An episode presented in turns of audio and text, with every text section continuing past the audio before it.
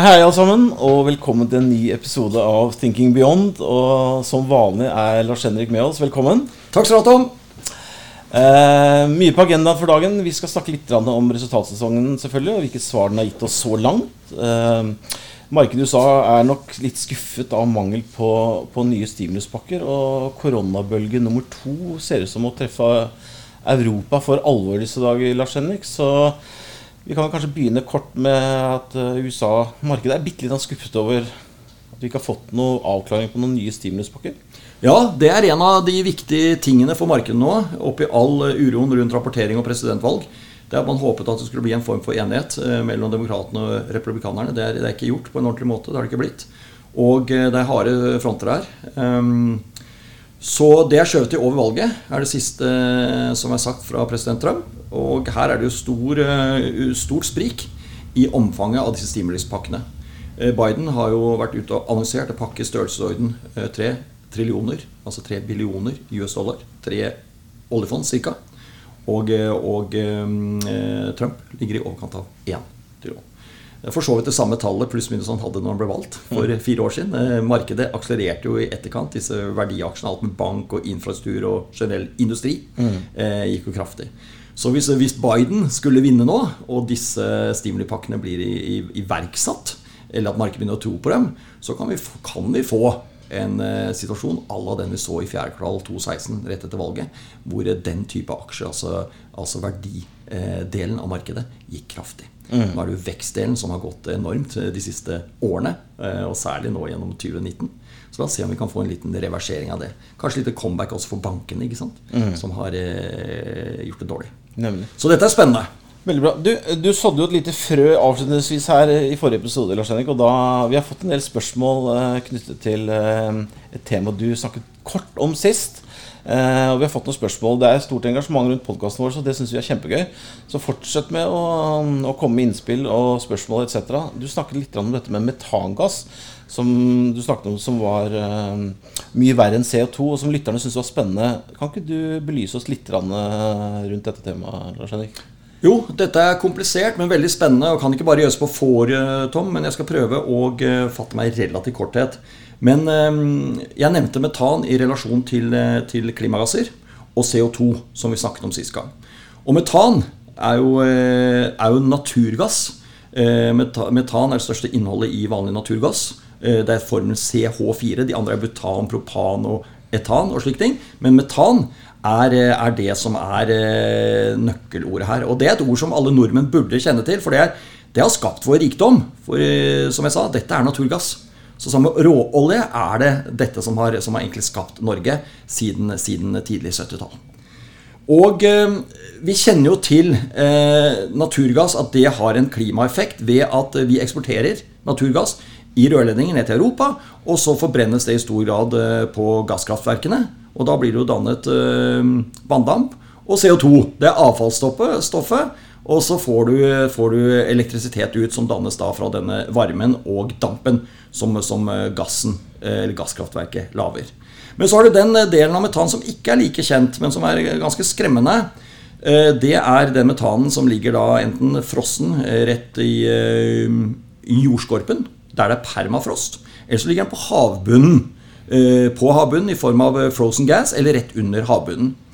Og det, det, som er bekymringsfullt her, Tom, det er at uh, dette er en drivhusgass uh, som er uh, mye mer si, skadelig for klimaet enn CO2. Vi snakker nesten en 7-28 ganger så skadelig. Det positive med metan er at den forsvinner ut eh, mye mye raskere enn CO2 av atmosfæren. Men den blir her likevel en 10-12 år. Mm. Ja, så Vi snakker ikke som sot som forsvinner i løpet av få uker, men CO2 blir her liksom i liksom 100 eller hundretalls år. Mm. Men metan eh, den blir her kortere. Men det hjelper ikke så mye hvis det er sånn at Tenk deg en situasjon da hvor vi får en akselererende eh, si, temperaturøkning i denne klimakrisen vi har. Og så begynner det vi ser tendenser til nå, er at permafrosten begynner å forsvinne, begynner å tine opp. Mm. Og da ser vi at det frigjøres metan, som ligger som frozen metan eller frozen gas.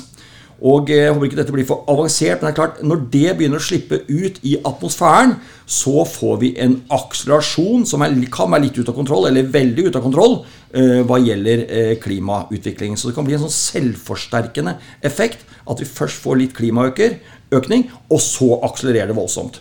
Uten parallell, men litt det samme som på covid i liksom, Europa nå.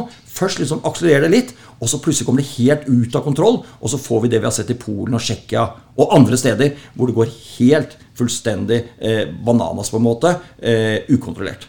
Og det er det som er det litt sånn skremmende og dramatiske med, med metan, som alle bør kjenne til som er opptatt av klima er at eh, det kan komme som neste fase når, klima, når temperaturøkningen har nådd et visst nivå, og, du, og den, denne, denne nedsmelting av permafrost og frigjøring av metangass som ligger der, begynner å eh, komme ut av kontroll. Nemlig. Kort fortalt. Og disse, disse reservene av metan som ligger frossen rundt verden, de er enorme. De er enorme.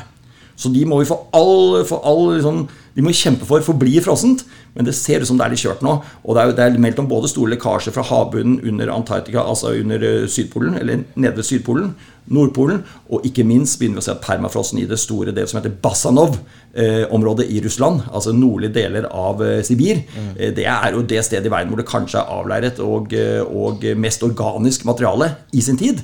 Eh, Og det, der ligger det enorme mengder med eh, nedfrossen metan eh, helt i jordskorpen. Det må for guds skyld ikke tine. Så den permafrosten må forbli der sånn, men det ser ikke bra ut. Du, veldig bra. Dette her er også Det var kortversjonen, Tom. Jo, men det er veldig bra. Dette her er ting som eh, jeg har lyst til å lære mer om også, Lars Henrik. Så jeg føler for- at vi toucher nok, kommer nok til å touche innom dette her med temaet ved senere anledning òg, men ja. uh, Um, Vi må passe på at klimadebatten ikke blir for begrenset til CO2. Ja. Mm. At den ikke blir for grunn. Det er konsekvensene som skal skje videre. Det er det som er det virkelig dramatiske her. Som vanlig, Lars Henrik, så har du vært eh, aktiv på LinkedIn. Så mm, jeg har også lyst til å stille deg et kort spørsmål rundt Wizz Air, som, som prøver å, å etablere seg i Norge. Et polsk selskap. Nei, ungarsk. Ungarsk, men, unnskyld, unnskyld. Ungarsk Men En Engelsk holdingsselskap, ja. Som eh, ja, Skal vi bruke ordene gå så langt og si at føler, kanskje blir litt, eh, rett og slett nesten litt motarbeidet? Ja, motarbeidet eller, eller, eller mobbet. Og her er litt hvilken side man ser det fra. Som forbruker så vil du gjerne, så lenge du flyr trygt, så vil du gjerne ha størst mulig tilbud av tjenester og få prisen ned. Det som har skjedd her sånn er at når Wizz Air eh, meldte sin ankomst eh, til Norge De har fløyet på Norge lenge, men de har fløyet bare inn og ut. Nå skal de begynne å fly og forlenge liksom sine, eller rutene sine. Ved f.eks. å ta, komme til Oslo, og så flyr de videre opp til Tromsø, og så tilbake igjen fra Tromsø og Oslo og så ut igjen. ikke sant? Mm. Eller direkte fra disse byene, som de også skal begynne med. Og det er, det er tatt godt, dårlig imot. For alle har fått de, det, det, det, er skapt en, skapt en eh, holdning til, eller en eh, image rundt det selskapet der, at eh, de behandler sine ansatte veldig veldig dårlig. Og har dårlig, dårlig arbeids, arbeidstakervern, dårlige lønnsbetingelser og ikke streikerett og ikke organisasjonsrett og slike ting. Det er, det er ikke, ikke riktig. Vi må være veldig var på at alt vi gjør i Norge, er ikke nødvendigvis sånn man gjør det i andre deler av Europa. Eh, Det betyr ikke at de gjør noe feil. Det betyr at man har ikke akkurat samme like, eller like stramme arbeidstakerrettigheter på alle punkter som man har i Norge, men det er allikevel ikke en ulovlig virksomhet. Og da er det eh, litt interessant når vår statsminister Erna går ut og sier hun vil boikotte det er sånn, om hun da snakker som privatperson eller, eh, eller regent, eller altså statsminister, det får være, men jeg betrakter henne som statsminister så lenge hun snakker. Eh, og eh, nå også Nordland fylkeskommune ut og sier at de vil boikotte det er sånn. LO har sagt og NITO har sagt det. De kan for så vidt si det. De er private organisasjoner, så de får lov til å gjøre hva de vil. Men det er litt farlig når, når, når, når myndighetsapparat går ut og sier at de skal boikotte et helt legalt selskap som kommer inn på en legal måte og skal fly i Norge, selv om de ikke liker det. Jeg må minne om at eh, vi, vi slapp opp Vi, vi, vi, avregulerte flyindustrien i Europa på 90-tallet. Det var Norge med på. Og så er det noe helt grunnleggende i EU, som også da EØS-landene er underlagt. Det er det som heter fri flyt av tjenester. Ja? Og her ser det ut som at eh, Norge går inn og prøver å begrense det. Og det, dette er ikke bra. Og jeg vil minne om at Wizz har like bra ESG-score på dette området her, altså arbeidstakernes rettigheter, altså S-en i ESG, som Norwegian. Og de er bedre enn SAS. De har bedre score enn SAS. Så her er det noe interessant om, om Erna Solberg er den nye standarden for vurdering av ESG-score. Eller om vi skal forholde oss til verdens største byrå på dette her, MSI ESG Research, som faktisk analyserer også viser, og kommer ut med at de har en veldig god score alt i alt på denne S-en sin, inkludert arbeidstakerrettighetene, streikerettigheter, lønnsforhold og slike ting. Så eh, dette syns jeg er en interessant debatt, som viser kanskje at vi er litt umoden fortsatt på ESG. Og eh, definisjoner og metodebruk, og ikke minst å akseptere det, eh, også når det kanskje ikke passer oss optimalt. Ja, Nemlig. Vi skal snike oss litt videre, Lars Henrik. Um, skal snike oss over på resultatsesongen, som ja, Det er ingen tvil om at uh, uken, uken foran oss er kjempespennende. På torsdag kommer det masse, masse tall. Men vi skal kommentere bitte litt på, på DNB, som kom forrige uke. For um, vi snakket litt om Yara, Storbrann og Gjensidige, og det, det var uh, bra. DNB har også kommet. Og det var et par ting i de tallene Lars Henrik, som både du og jeg bet oss merke i, som var positivt. At det var uh, bra inntjening, gode rentemarginer og ikke minst eh, tapene var mye utlånstapene var mye lavere. Ja, La oss nyansere litt her? Eller, eller dele opp litt, Tom. Uh, utlånstapene var lavere. Mm. Innenfor privatsegmentet så var det tilbakeføringer. Mm. 380 millioner kroner. Og det ble tatt ikke noen nye store tap av størrelse innenfor problemsektorene. Altså særlig olje offshore. Eller så det ble tatt noe tap, men det, det er mye mindre grad mye enn det det har vært i første og annet kvartal. Mm. Så ser vi, du nevnte rentemargin. Vi ser allikevel at det som heter netto rentemargin, det er altså differansen på hvilken rente banken må betale i snitt for å låne inn penger for å finansiere sine utlån, og hva de, får, hva de får, kan ta på sine utlån. Den differansen der sånn heter netto rentemargin. Det er det bankene lever av. Og det vi ser, er at den fortsatt komprimeres. Den blir mindre og mindre. Den, liksom, den har gått ned fra første eh, kvartal til annet kvartal, og fra annet kvartal til tredje kvartal. Og dette her gjør at også eh, hva skal vi si, den, den, Omsetningen, eller det som heter da den samlede netto renteinntekten, mm. den er ned. Mm. Fra den var vel rundt 10 milliarder og er nå ned på 9,3 pga. det her. sånn. Så, liksom, så, så, banken går bra, men den merker nå presset av at vi er et nullrenteregime. Og da blir det vanskelig og vanskelig for bankene å opprettholde sin netto rentemargin over tid. Mm. Så da må, de, da må de ha en veldig tight kostnadskontroll for å kompensere for det. Eller håpe på at, eh, at renteverden etter hvert, eller renta etter hvert skal begynne å gå litt opp. Bankene har det rett og slett veldig tungt i et sånn renteklima vi har nå. Mm. Den delen av banken som derimot går bra, det er jo markedsdelen. ikke sant? Mm. Den fortsetter å gjøre det bra. Det var ikke noe revolusjonerende gode tall der, sånn. Det var ikke noen eh, veldig sterk overraskende, så det skal jeg ha, men det var helt ålreit gode tall. Så er det dette med utbytte og tilbakekjøpsprogram, Tom, som er interessant å snakke om. For det er nå annonsert at de, de foreslår at en, en ekstraordinær generalforsamling nå endelig skal vedta et utbytte for 2019 og gi den fullmakten til styret om å inntil 9 kroner per aksje. Det er for så vidt greit. Men så er det også tilbake, foreslått et tilbakekjøpsprogram på inntil 4% av kapitalen. Og dette er ikke sikkert. Mm. Her er det mulig at, eh, at eh, si, offentlige organer, spesielt Finanssynet, vil kanskje sette foten ned og si nei. Mm. For det, det, er, litt, det er litt, litt umusikalsk i dagens koronatid at de skal også begynne å kjøpe tilbake egne aksjer, i tillegg til å betale stort, relativt stort utbytte. Mm. Jeg minner om at Hvis de har betalt 9 kroner i forhold til dagens kurs, så er det en 6 eh, yield. Liksom. Det er jo voldsomt i et nullrenteregime. Mm. Så la oss se hva som skjer her. Sånn. Det er ikke sikkert rett og slett at DNB får lov til å betale det utbyttet de ønsker, og iallfall ikke kjøpe tilbake aksjer. Her, er folk, eh, folk, her strides de leide. Eh, dette er spennende å følge med på. Nemlig. Da skal vi snike oss over på, til USA. Det har vi, vi har ca. hatt um ja, 27% av de amerikanske selskapene på SEP 500, som er den bredeste indeksen, er levert tall. Og det er ingen tvil om at, eh, at tallene som kommer frem, er svake. Eh, kanskje noe bedre enn forventet. Dog så, så ser vi at vi, selskapet leverer kanskje det svakeste resultatet siden 2009.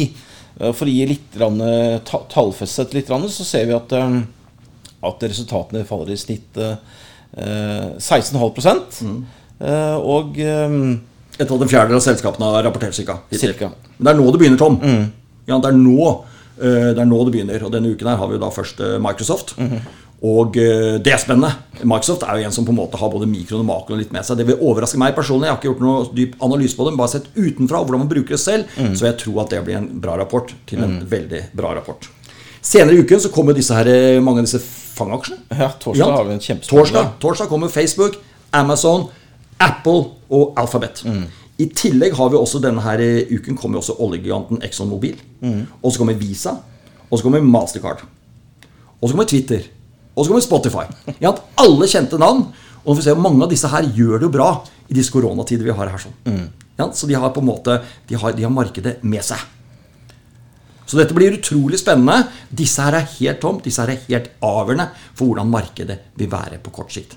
Jeg tror ikke det blir flatt marked. Dette er marked som kommer til å gå opp eller ned. Altså Det jeg tror minst på nå, og det gjelder generelt fremover nå Jeg tror ikke på et flatt marked, Tom. Jeg tror på at liksom nå får vi utslagene. Enten at vi går inn i et fornyet sånn der litt sterkt rally, eller så kan vi få at dette går litt over kanten her.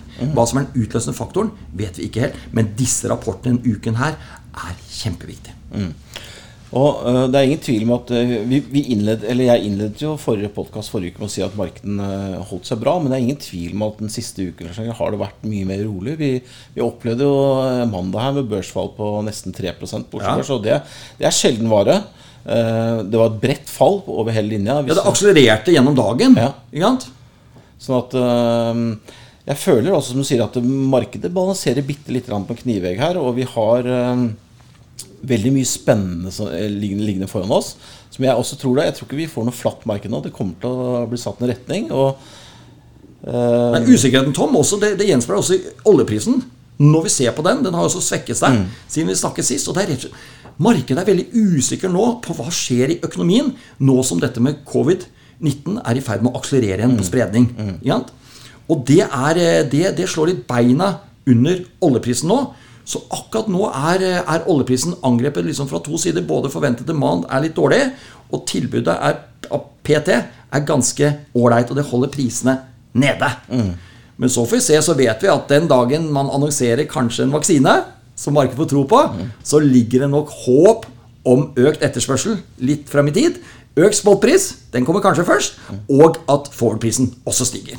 Og sånn så kan det være bra igjen. Men, eh, men her er litt hva som kommer først. Og så er det hvem vinner presidentvalget.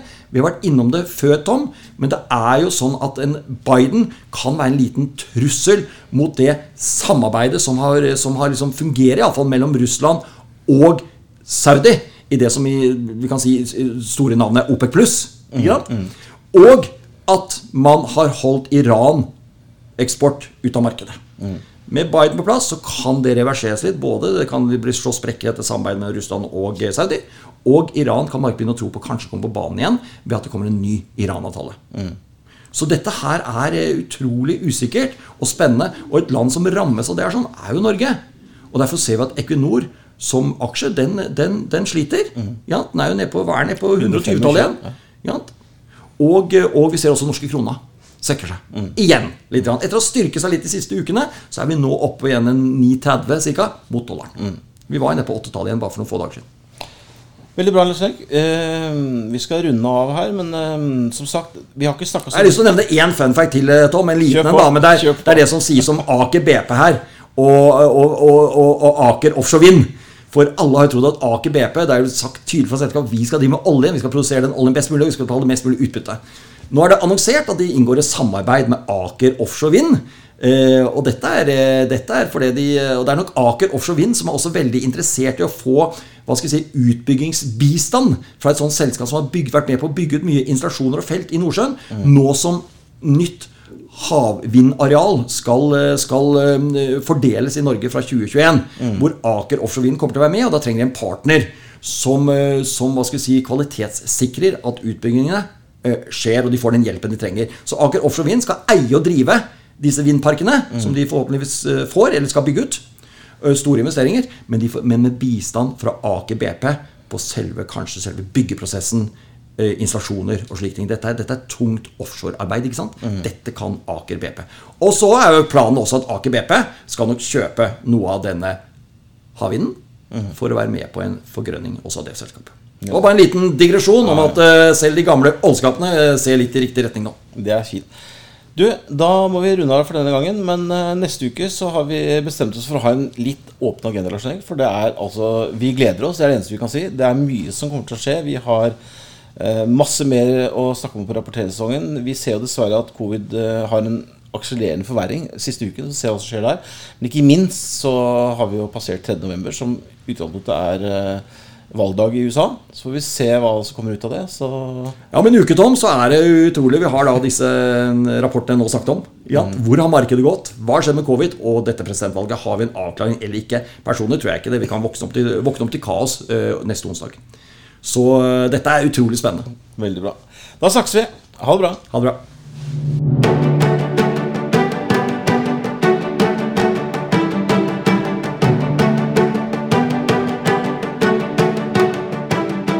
Har hørt på Thinking Beyond, en podkast fra Formuesforvaltning.